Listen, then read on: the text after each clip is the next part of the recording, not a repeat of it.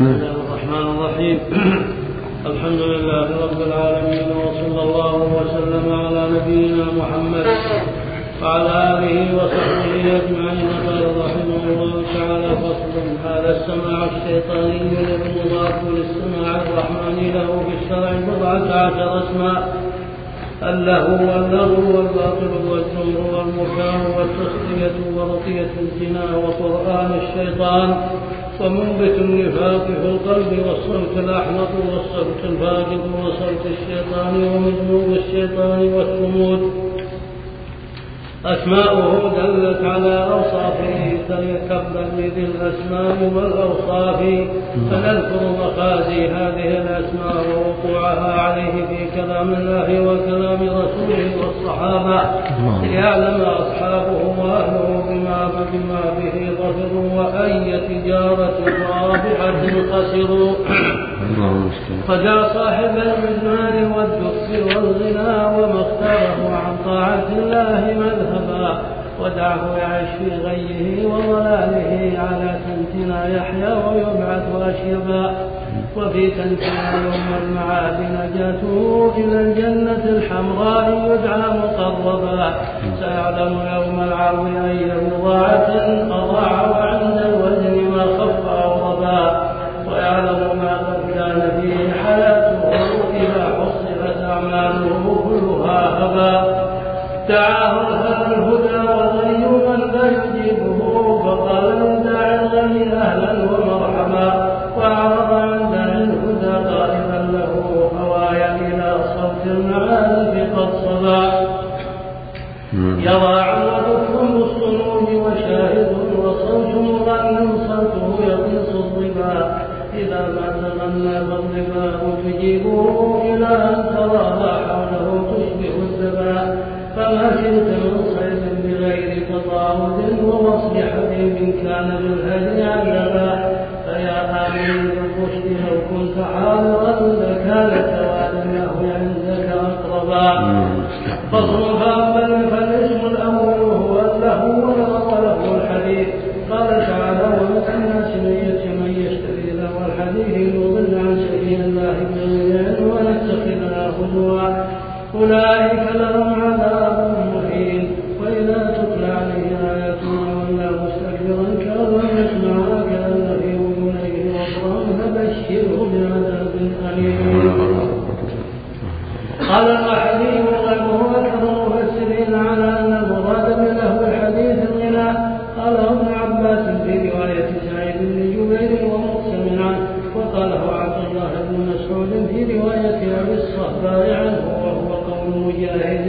وعكرمة وروى ثور وروى ثور بن أبي فاخته عن أبيه عن ابن عباس في قوله تعالى ومن الناس من يشتري له الحديث قال هو الرجل يشتري المغنية نعم. ولد بن أبي فاخته إيه. نعم. المقصود هذا قول أكثر أهل العلماء أن له الحديث هو الغناء وما يصحبه من الصوت هو محفوظ عن ابن عباس وابن مسعود. إنه له الغنى. كان ابن مسعود يقسم على ذلك ويحلف على ذلك. المقصود انه يجر إلى شر كثير. فإن الأغاني والملاهي تجر إلى الزنا والفواحش والمنكرات تجر إلى الاستهزاء بالدين تجر إلى ترك الطاعات تجر إلى صحبة الفساق تجر إلى شر كثير. نسأل الله العافية. نعم. عن ابن عباس في قوله تعالى ومن الناس يشتري له الحديث قال هو الرجل يشتري جارية تغنيه ليلا ونهارا. وقال ابن أبي نجيح عن مجاهد هو الشراء المغني والمغنية بالمال الكثير والاستماع إليه وإلى مثله من الباطل وهذا قول مكحول وهذا اختيار أبي إسحاق أيضا. وقال وقال أكثر ما جاء في التفسير أن له الحديث ها هنا هو الغنى لأنه يلهي عن ذكر الله تعالى قال الواحدي قال أهل المعاني ويدخل في هذا كل من اختار اللهو والغنى والمزامير. والمزامير والمعازف على القرآن وإن كان قد ورد بالشراء فلفظ الشراء يذكر في الاستبدال والاختيار. وهو كثير في القرآن قال ويدل على هذا. معنى يشتري أن يختار يعتار اللزوم يشتري المال قد يشتري المال وقد يشتري غير المال. قد يحتاطه بغير مال وقد يشتري بالمال يشتري المغني أو يشتري آلات الملاهي بالمال قد تأتي بغير مال. المقصود أن الشريعة هو الاحتياط والأخذ. نعم. قال ويدل على هذا ما قاله قتادة في هذه الآية لعله ألا يكون أنفق مالا قال ربيعا ومن حسب المرء من الضلالة. أن يختار حديث الباطن على حديث الحق. قال الواحدي وهذه الآية على هذا التفسير تدل على تحريم الغناء ثم ذكر كلام الشافعي في رد الشهادة في إعلان الغناء قال وأما غناء القينات فذلك أشد ما في الباب. وذلك لكثرة الوعيد الوارد فيه وهو ما روي أن النبي صلى الله عليه وسلم قال من استمع إلى قينة صب في أذنيه الآلف يوم القيامة فالآلف الرصاص المذاب وقد جاء تفسير نحو الحديث بالغناء مرفوعا إلى النبي صلى الله عليه وسلم. ففي مسند الإمام أحمد ومسند عبد الله بن زبير الحميدي وجامع الترمذي من حديث أبي أمامة والسياق للترمذي أن النبي صلى الله عليه وسلم قال لا تبيعوا القينات ولا تشتروهن ولا تعلموهن ولا خير في تجارة فيهن وثمنهن حرام. في مثل هذا نزلت هذه الآية ومن الناس من يشتري له الحديث ليضل عن سبيل الله هذا الحديث وإن كان مداره على عبيد الله بن زحر عن علي بن يزيد الخلهاني عن القاسم فعبيد الله بن زحر ثقة والقاسم ثقة وعلي ضعيف إلا أن الحديث شواهد ومتابعات سنذكرها إن شاء الله تعالى. المقصود مثل ما قال المؤلف الحديث ضعيف لكن الآية الكريمة والشواهد كلام السلف تدل على الخطر وعظم البرية والواقع شاهد بذلك ولا في الحديث ضعيف إن يصب في أذنه الآن يوم القيامة مع الغنى إنما ثبت هذا في ابن سمى سمى حديث قوم وهو كارهون. ابن عباس من البخاري رحمه الله يقول من سمى يقول صلى الله عليه وسلم من سمى حديث قوم وهو كارهون وهو كارهون صب في أذنه الآن في يوم القيامة. يعني الرصاص المذاب هذا في حق من استمع حديث قوم وهو كارهون. المستمع للأغاني والملاهي قد يقع في هذا البلاء أو ما هو أشد منه. لكن الحديث فيما يتعلق بالأغاني مثل ما قال ضعيف لأنه دار على علي بن يزيد الآلهاني وهو ضعيف. ضعيف جدا. وعبد الله بن زحر وإن وثقه الجماعة ففيه ضعف أيضا. نعم. ويكفي تفسير الصحابة والتابعين لله الحديث بأنه الغناء وقد صح ذلك عن ابن عباس وابن مسعود قال أبو الصفاء سألت ابن مسعود عن قوله تعالى ومن الناس من يشتري له الحديث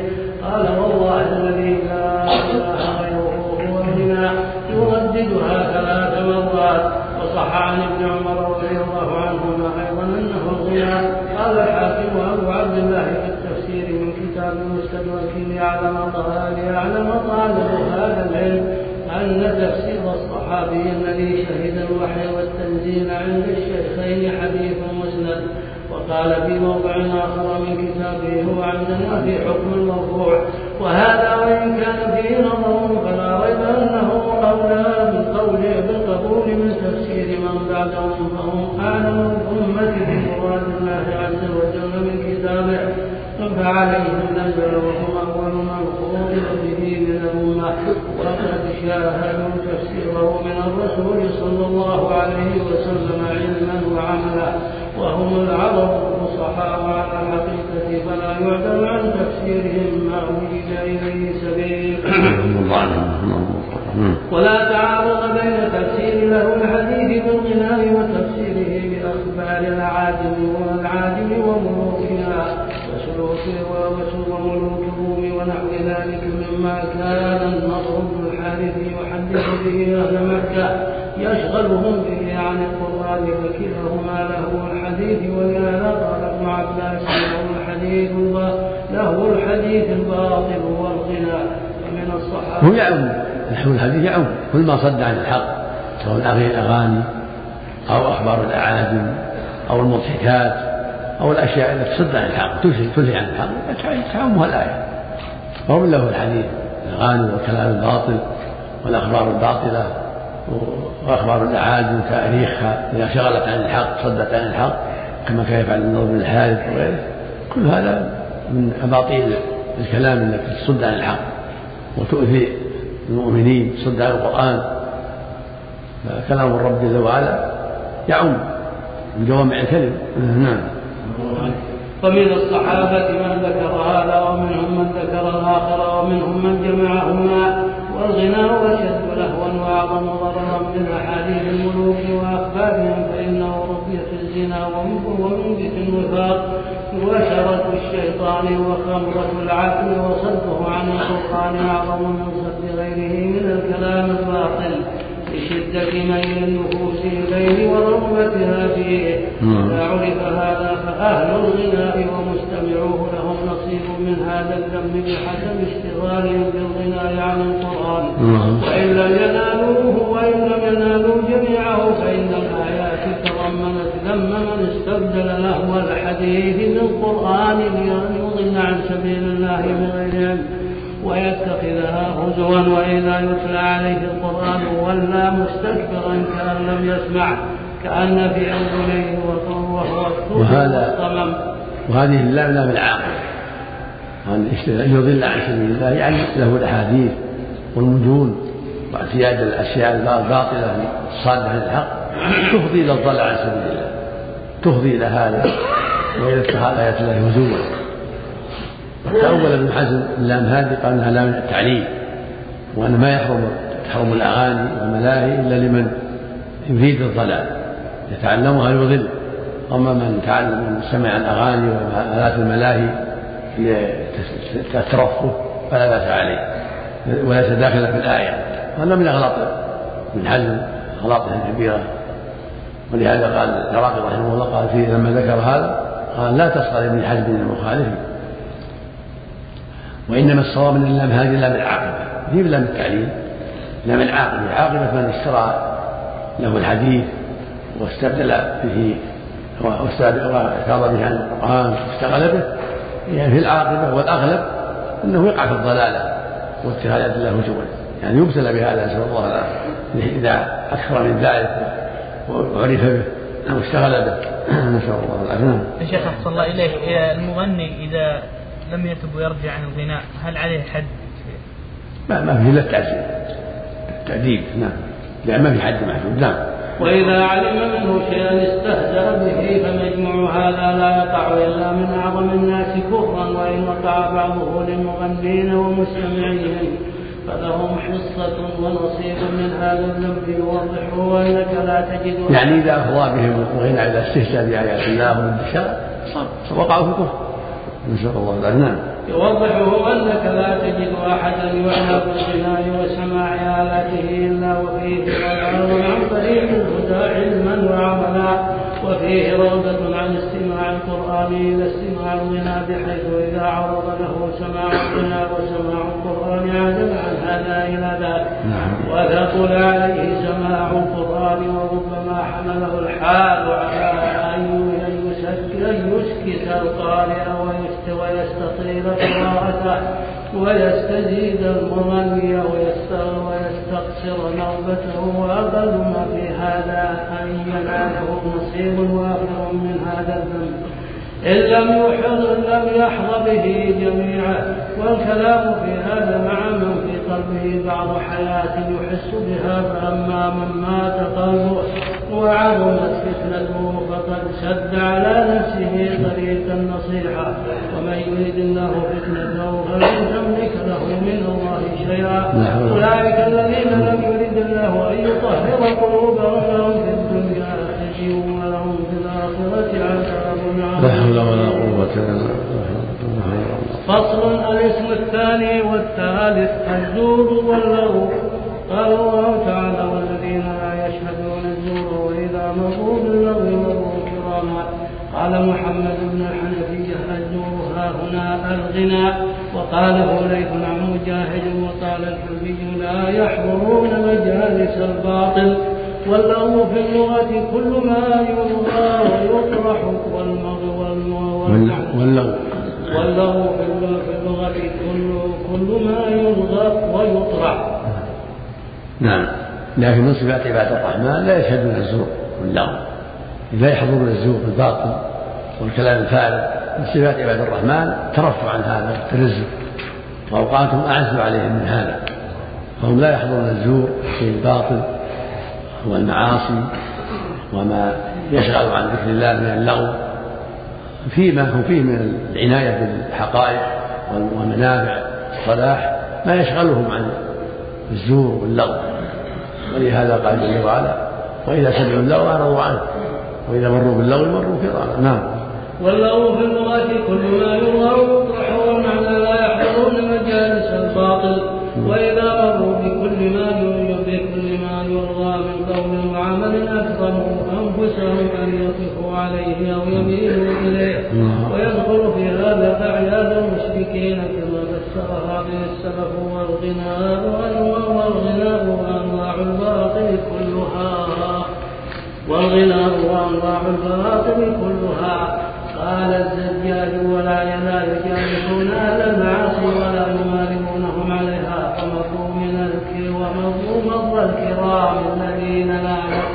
بالموت لأنهم يكرمون أنفسهم عن الدخول فيه والاختلاط بأهله.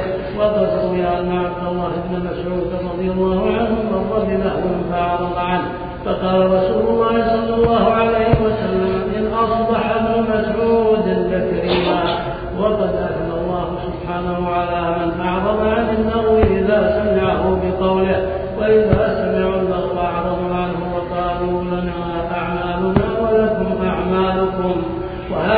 الآية وإن كان سبب نزولها خاصا فمعناها عام متناول لكل من سمع لهم فأعرض عنه وقال بلسانه أو بقلبه لأصحابه لنا أعمالنا ولكم أعمالكم.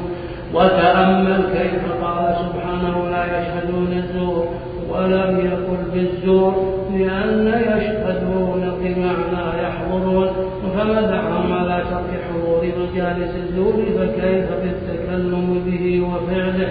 والغناء من أعظم الزور. والزور يقال على الكلام الباطل وعلى العمل الباطل وعلى نفسها كما في حديث معاوية لما أخذ قصة من شعر يوصل به فقال هذا الزور فالزور القول والفعل والمحل. وأصل اللفظة من الميل ومنه ومنه الزور بالفتح ومنه زور ومنه زرت فلانا إذا مل إذا ملك إليه. وعدلت إليه فالزور ميل عن الحق الثابت إلى الباطل الذي لا حقيقة له قولا وفعلا. نعم فصل الاسم الرابع الباطل. نسأل الله العافية. نعم. في ذلك مسألة التلفاز التلفاز وغيره كل ما يتعلق بالأغاني والملاهي التلفاز والراديو سماع الراديو الذي الأغاني والملاهي والاجتماع على هذا في المغني اللي يغني. وكذلك نقل الأخبار عاده أخبار الأخبار. إلا إذا كان فيها مصلحة عبر وذكرى لا تشغل عن الحق من باب العظة لأن التاريخ فيه عبر. لكن إذا شغلته عما هو أهم دخلت في هذا إذا شغلت عما هو أهم دخلت في الباطل أما إذا كان قصد التاريخ معرفة العبر لا بأس. الله قص علينا في التاريخ في القرآن أخبار الماضين بالعبر والعظة والذكر أما الأخبار الشاغلة أو التي لا فائدة فيها ينبغي تجنبها تكون من اللهو تكون من اللهو نعم. نعم.